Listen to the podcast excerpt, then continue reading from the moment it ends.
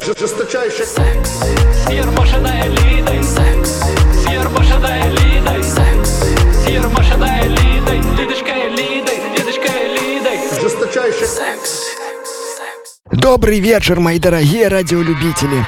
Как всегда, в это время с вами передача «Секс с Ермошиной Лидой» и ее первый ведущий Ригор Фикалис. В нашей программе мы знакомимся с самыми достоверными новостями от самых авторитетных источников. А источники наши — это телеграм-канал президентской газеты «Советская Белоруссия» и авторитетнейшее мировое информационное агентство «Панорама» сайт panorama.pub. На минувшей неделе Александру Лукашенко показали трехслойный картон. Григорий Азаронок назвал российские государственные СМИ медиатварами. Таким необычным способом на языке изопа он обвинил американские СМИ у предвзятости.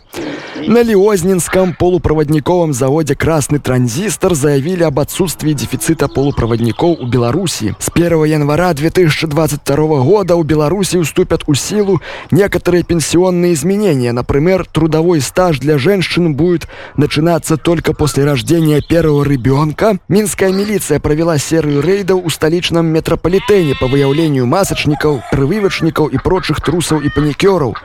На полигоне под Минском у рамках борьбы с коронапсихозом сожгли 4 миллиона 661 тысячу 75 медицинских масок, а у почтовых ящиках жителей Гродно стали появляться листовки с указанием уязвимых мест танка «Леопард». Это не все новости, об остальном подробнее далее у программе. Сказочно. Я батя.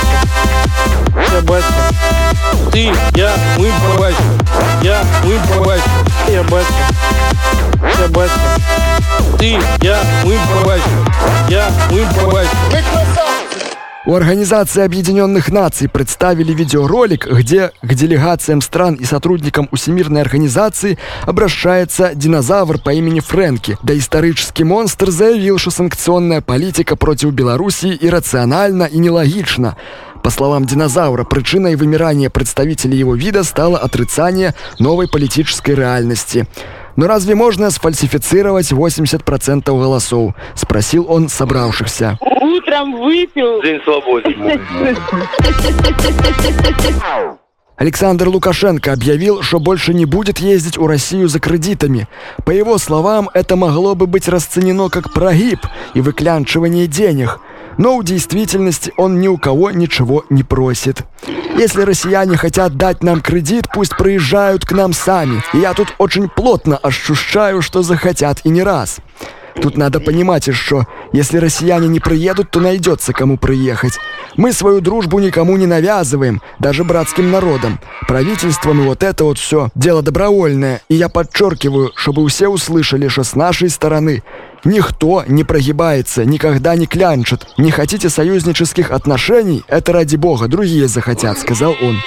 Лукашенко также посоветовал российскому Минфину пошевеливаться с траншами, пока у Минске не передумали принимать актуальный кредит на действующих условиях. Ну, а что так вот расскажет? Продолжаются эти все разговоры там про какие-то провокации на границе с Польшей, а тем временем границы союзного государства тоже приходится защищать от гостей извне. Так, корабли береговой охраны ФСБ России, корвет «Адмирал Никитенко» и легкий моторный катер «Неуловимый» помогли морякам из Магадиша, заблудившимся на своем судне у Охотском море, вернуться на родину. Пираты были доставлены к берегам Африканского рога после того, как правоохранители убедились, что они не совершали преступлений у территориальных водах России. Морские пограничники нашли судно под сомалийским флагом, подававшее сигнал СОС у 160 милях от берега Камчатки. На его борту оказалось 8 вооруженных людей, в том числе три бывших студента Российского университета дружбы народов имени Патрыса Лумумбы. В ходе выяснения личности моряки пояснили, что они являются гражданами Сомали и занимаются пиратством у берегов африканского континента.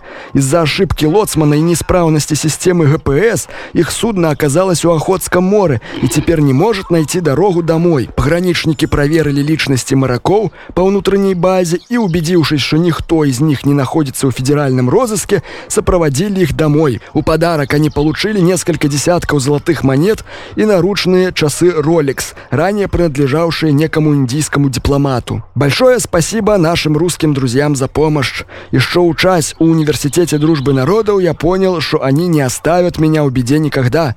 Даже в таком далеком от родине краю, как Камчатка, нашлись добрые люди, которые не пожалели сил и времени, чтобы в безопасности доставить нас домой.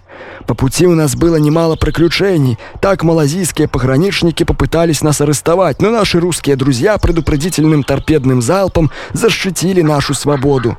Еще раз большое спасибо, сказал капитан пиратского судна Мбалага Урумши. Массандру брать? И к другим новостям дружественных к нам республик. Выступая перед студентами Ашхабадского государственного университета, президент Туркменистана Гурбангулы Бердымухамедов заявил, что именно он является автором сценария южнокорейского сериала «Игра у кальмара». Вы все хорошо знакомы с моими произведениями, но есть еще одна ипостась моего литературного таланта. Я иногда пишу киносценарии. Сейчас десятки миллионов людей по всему миру в восторге от сериала «Игра у кальмара», а ведь Именно я придумал идею этой ленты, сюжеты и все диалоги. Жаль, что далеко не все поняли глубокий смысл моего творения, ведь там столько отсылок к трудам классиков литературы, философии и искусства. В любом случае, я рад, что в очередной раз мое творчество получило всемирное признание.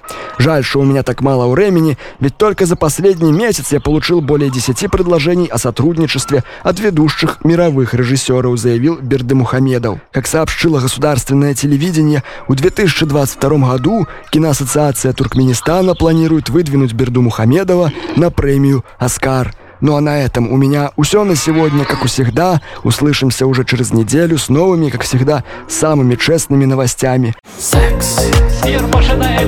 Секс. Секс.